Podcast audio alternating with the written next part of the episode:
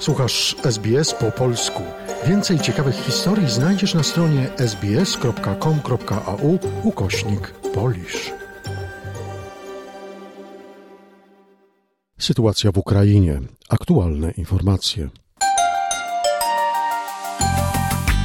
Sojusznicy w NATO zapewnili o dalszym wojskowym wsparciu Ukrainy, która walczy z rosyjskim agresorem.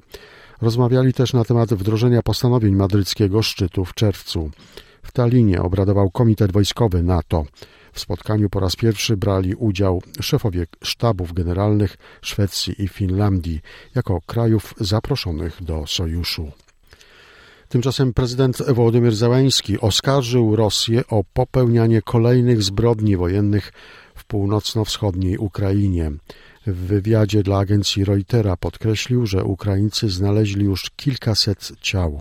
W Iziumie znaleźliśmy na 450. Do tej pory w Iziumie znaleziono 450 ciał, ale są też osobne miejsca pochówku wielu torturowanych osób, całych rodzin w różnych miejscach. W Izumie zaatakowanych wrzucano po prostu do dołu. Ekshumacje masowych grobów odnalezionych po wyzwoleniu miasta przez Ukraińców trwają. Od wczoraj na miejsce dopuszczeni są również dziennikarze ukraińscy i międzynarodowi. Szef charkowskich władz obwodowych Olech Siniechybow powiedział, że ofiary poniosły brutalną śmierć.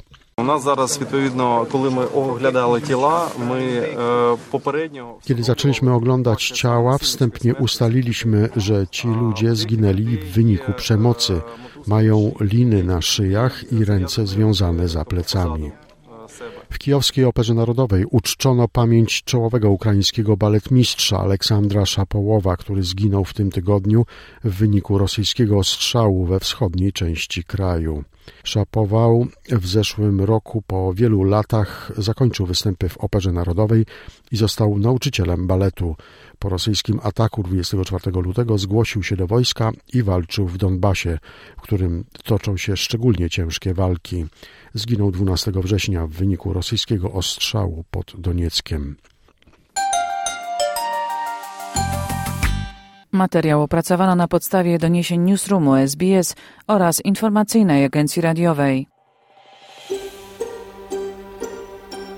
Zainteresowało Cię? Chcesz usłyszeć więcej? Słuchaj nas na podcastach dostępnych w Apple Podcast, Google Podcast czy Spotify lub w jakimkolwiek innym, który używasz.